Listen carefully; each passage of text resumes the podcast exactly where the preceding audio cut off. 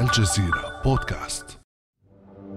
عشر سنوات متقلبة مرت على الثورات العربية وما يزال مسار التغيير طويلا ومعقدا لكن صوت الشارع ما يزال خصبا ولا يبدو من السهل العودة عن حدث تاريخي غير وجه المنطقة برمتها رغم تحطم آمال الكثيرين. نحن لن نحتفل. نحن في حداد منذ عشر سنوات. وكل عام وسيدي بوزيد تبكي ثورتها وتبكي رجالها.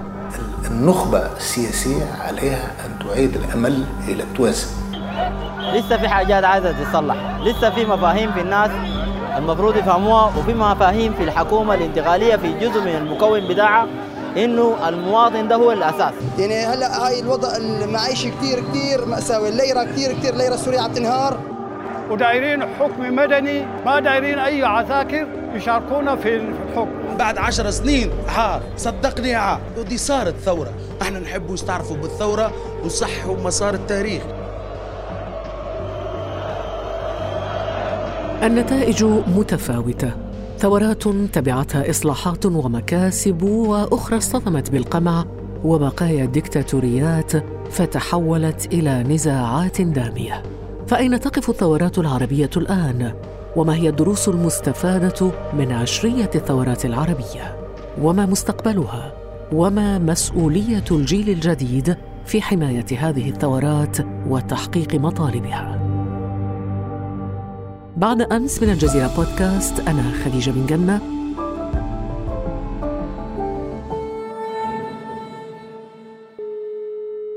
وينضم إلينا في هذه الحلقة الدكتور مروان المعشر نائب الرئيس للدراسات في مؤسسة كارنيجي صباح الخير دكتور مروان سعداء بانضمامك إلينا في هذه الحلقة.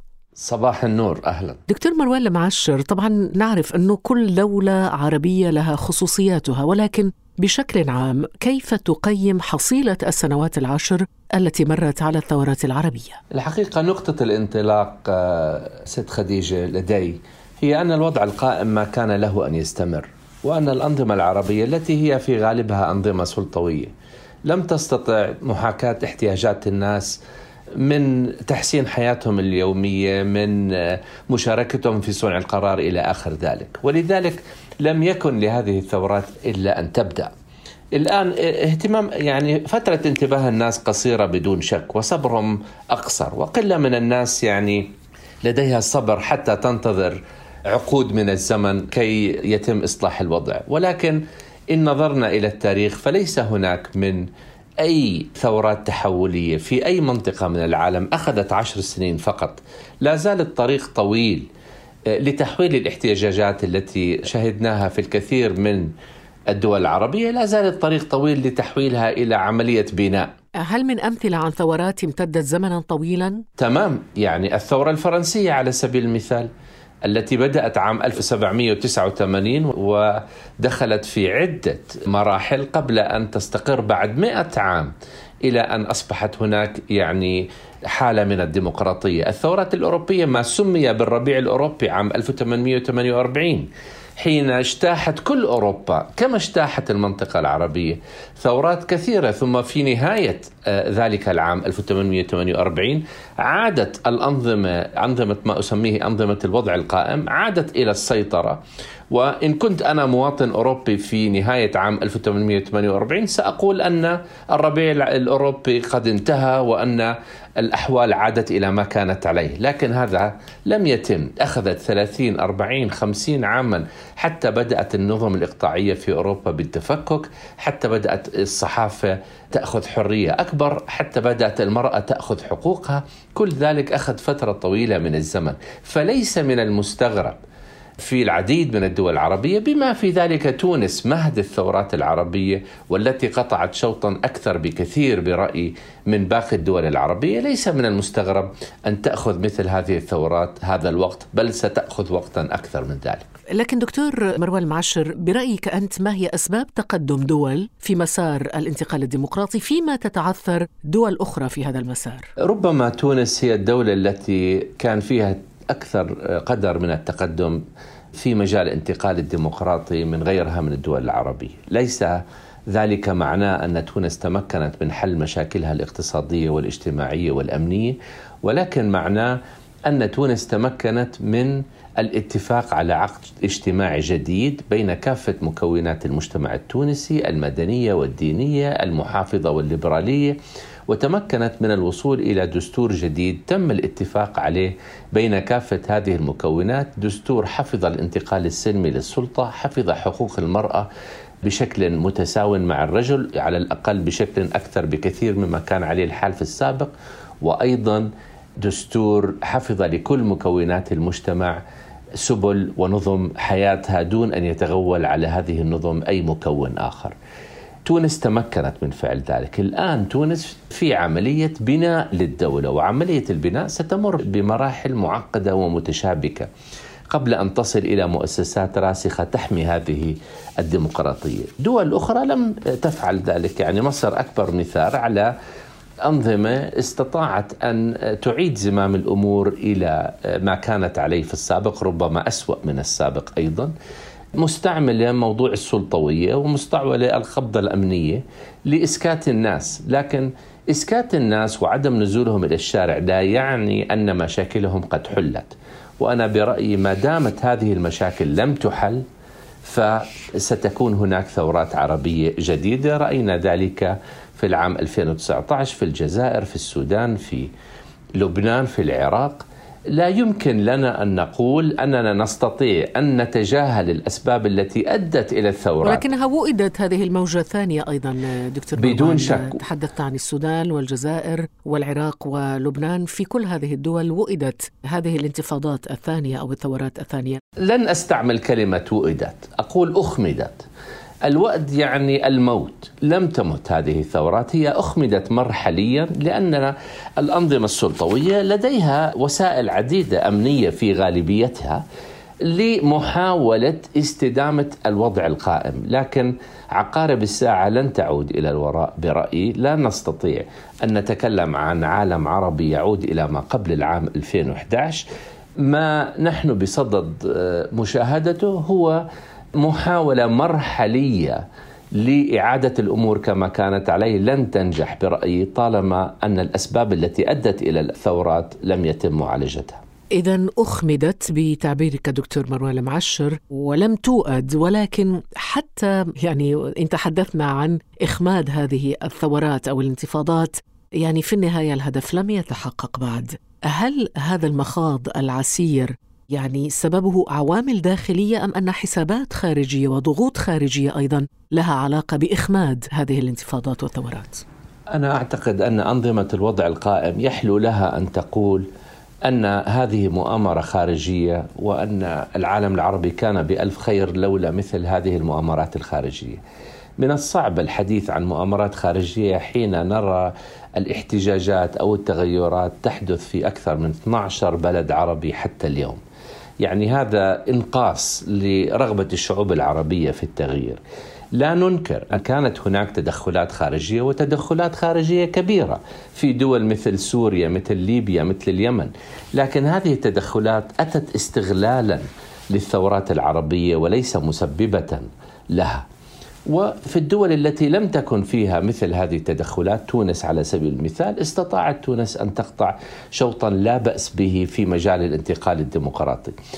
أنا أعتقد يعني غير التدخلات الخارجية الأسباب التي أدت إلى عرقلة هذه الثورات في غالبيتها كانت أسباب أمنية، أسباب سلطوية.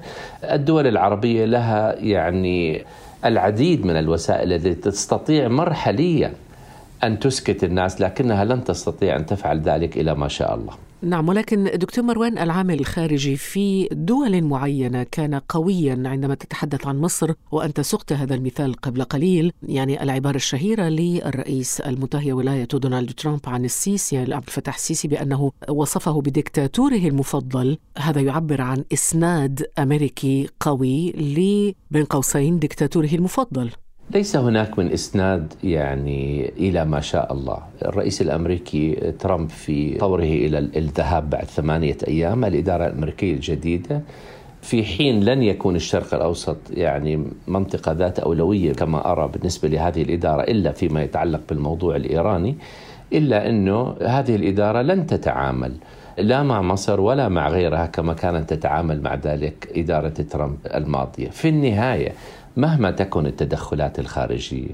حين يذهب الناس إلى الشارع وحين يعني تصل الاحتجاجات إلى حد معين لا يستطيع أي تدخل خارجي منع ذلك، أيضا مصر أكبر مثال على ذلك حين نزل الناس إلى الشارع بالملايين لم تستطع الإدارة الأمريكية أن تمنع الانتقال الذي حصل في عام 2011. طيب إذا تحدثنا عن الدروس المستفادة من هذه الثورات دكتور مروان الآن بعد مرور عشر سنوات على أولى هذه الثورات وهي الثورة التونسية وما تلاها فيما بعد من ثورات ماذا يمكن أن نستخلص كدروس؟ أنا أعتقد أن أهم درس يمكن استخلاصه عدم ما قلته سابقا من ضرورة الصبر ومن ضرورة أيضا يعني إدراك أن الأنظمة العربية لها حتى الآن قدرة على عرقلة هذه الإصلاحات. أعتقد أن الدرس الأساس للمستقبل أن الاحتجاجات والثورات بحد ذاتها لا تؤدي إلى بناء دول حداثية قوامها مؤسسات راسخة وسيادة القانون واحترام التعددية وأن كل ذلك يحتاج إلى أطر فكرية وتنظيمية من الذي سيقدم هذه الأطر؟ من الواضح أن الجيل الجديد اليوم في العالم العربي الجيل القديم غير قادر على تقديم مثل هذه الأطر والتي تحترم الديمقراطية والتعددية احتراما فعليا وليس لفظيا. ومن الواضح أيضا أن الجيل الجديد ليس له حتى اليوم أيضا مثل هذه الأطر التي تمكنه من تقديم مثل هذه الأفكار، مؤسسات المجتمع المدني في أغلب الدول العربية لا تزال مؤسسات فتية، الأحزاب لا تزال يعني ضعيفة ومحاربة من قبل السلطة، ولذلك الجيل الجديد عليه اولا أن يدرك أن عملية بناء الدولة ستحتاج إلى زمن وإلى زمن طويل، ستحتاج إلى أطر فكرية وتنظيمية.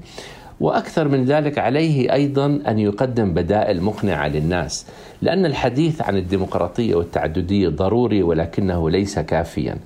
يحتاج الجيل الجديد أن يقدم بدائل تقنع الناس كيفية الانتقال إلى مجتمعات أكثر إنتاجية إلى مجتمعات لا تعتمد الريع إلى مجتمعات تعالج موضوع البطالة. كل ذلك يعني يحتاج الجيل الجديد أن يقنع كافة الشعب ونحن استمعنا قبل قليل إلى الإحباطات التي الموجودة في الشارع العربي. يحتاج الجيل الجديد أن يقنع الناس بأن هناك بدائل غير البدائل السلطوية تستطيع أن تقدم له حياة أفضل. هذا لن يتم بين يوم وليلة وسيحتاج إلى عقود من الزمن. طب هذه البدائل تحتاج دكتور مروان إلى آليات.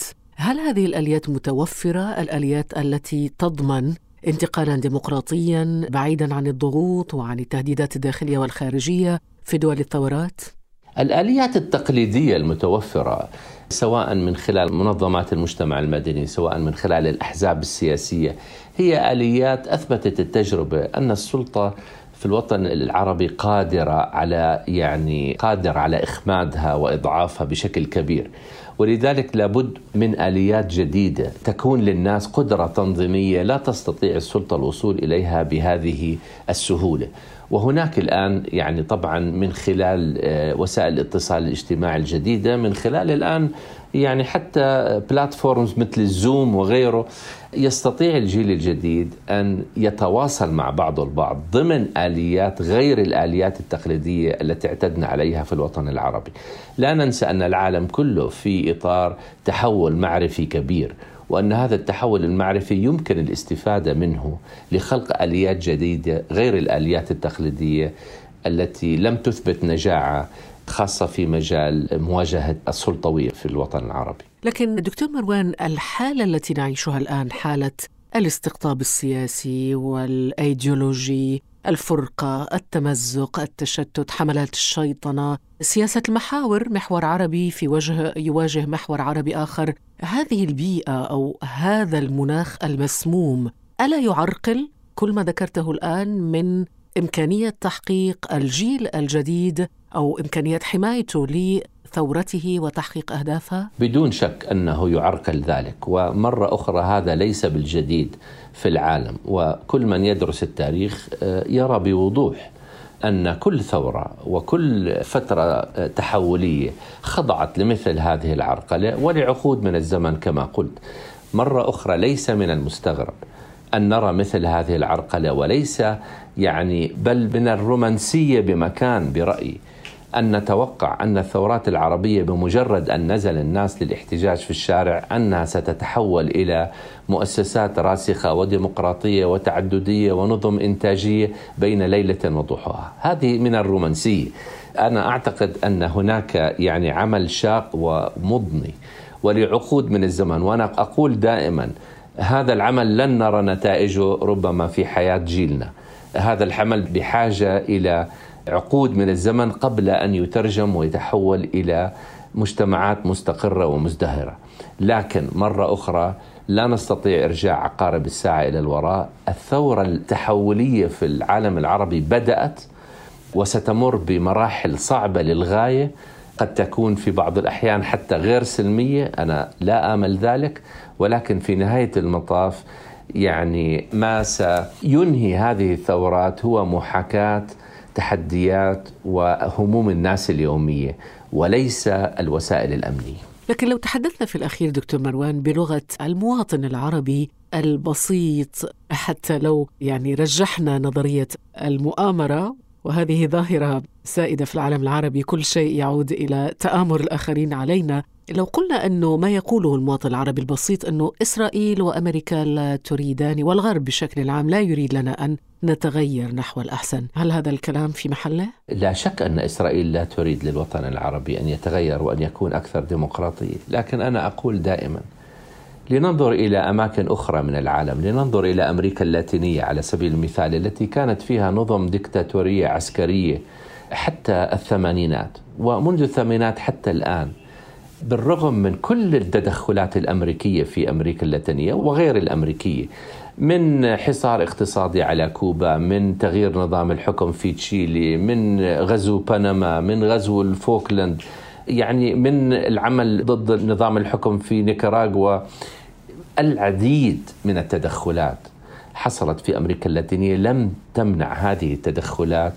دول أمريكا اللاتينية من الانتقال نحو الديمقراطية بحيث اليوم أغلب دول أمريكا اللاتينية دول ديمقراطية ليست دكتاتورية على الإطلاق. فنعم هناك تدخلات إسرائيلية وهناك تدخلات أمريكية لكن هذا لا يجب أن يمنع العالم العربي والشعوب العربية من الانتقال الديمقراطي والسلس وبناء مؤسساتها وعدم القبول بالأمر الواقع الذي نعيشه حاليا. في هذا السياق دكتور مروان حمى التطبيع الجارية بين الدول العربية وإسرائيل هل هي عامل محبط لهذه الثورات؟ أنا باعتقادي موضوع التطبيع الجاري يعني أضر بالقضية الفلسطينية من حيث أنه يعني أخل بمبدأ الأرض مقابل السلام، أخل بل قتل المبادرة العربية للسلام. وأنا أخشى أنه أيضا قد قتل حل الدولتين باعتبار أن إسرائيل اليوم أصبح من الواضح تماما أنها لا تريد الانسحاب من الأراضي العربية المحتلة ولا تريد إقامة الدولة الفلسطينية القابلة للحياة على التراب الفلسطيني.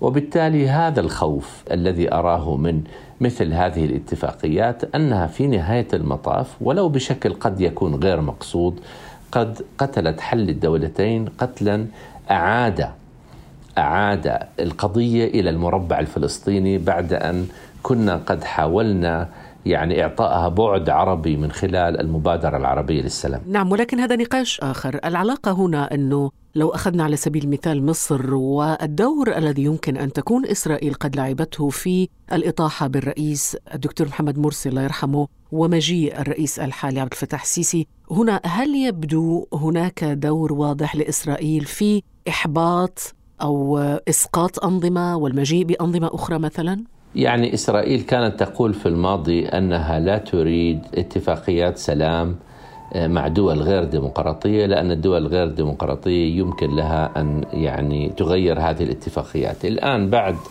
الثورات العربية أصبحت إسرائيل تقول لا تريد للدول العربية أن تكون دول ديمقراطية، مرة أخرى أقول أنا لا أعتقد أنه من مصلحة إسرائيل أن تكون هناك ديمقراطية في العالم العربي وإسرائيل تريد أن تقول دائما أنها وتسوق لذلك أنها الديمقراطية الوحيدة في الشرق الأوسط. ويعني نحن واجبنا مرة أخرى بغض النظر عن هذه التدخلات الإسرائيلية أنا أعتقد أن الشعوب العربية يجب أن تمسك زمام الأمور بيدها وأن تعمل هي من أجل ديمقراطية سلمية. أشكرك جزيل الشكر الدكتور مروان المعشر نائب الرئيس للدراسات في مؤسسة كارنيجي كنت معنا من عمان. شكرا. شكرا لكم. كان هذا بعد أمس.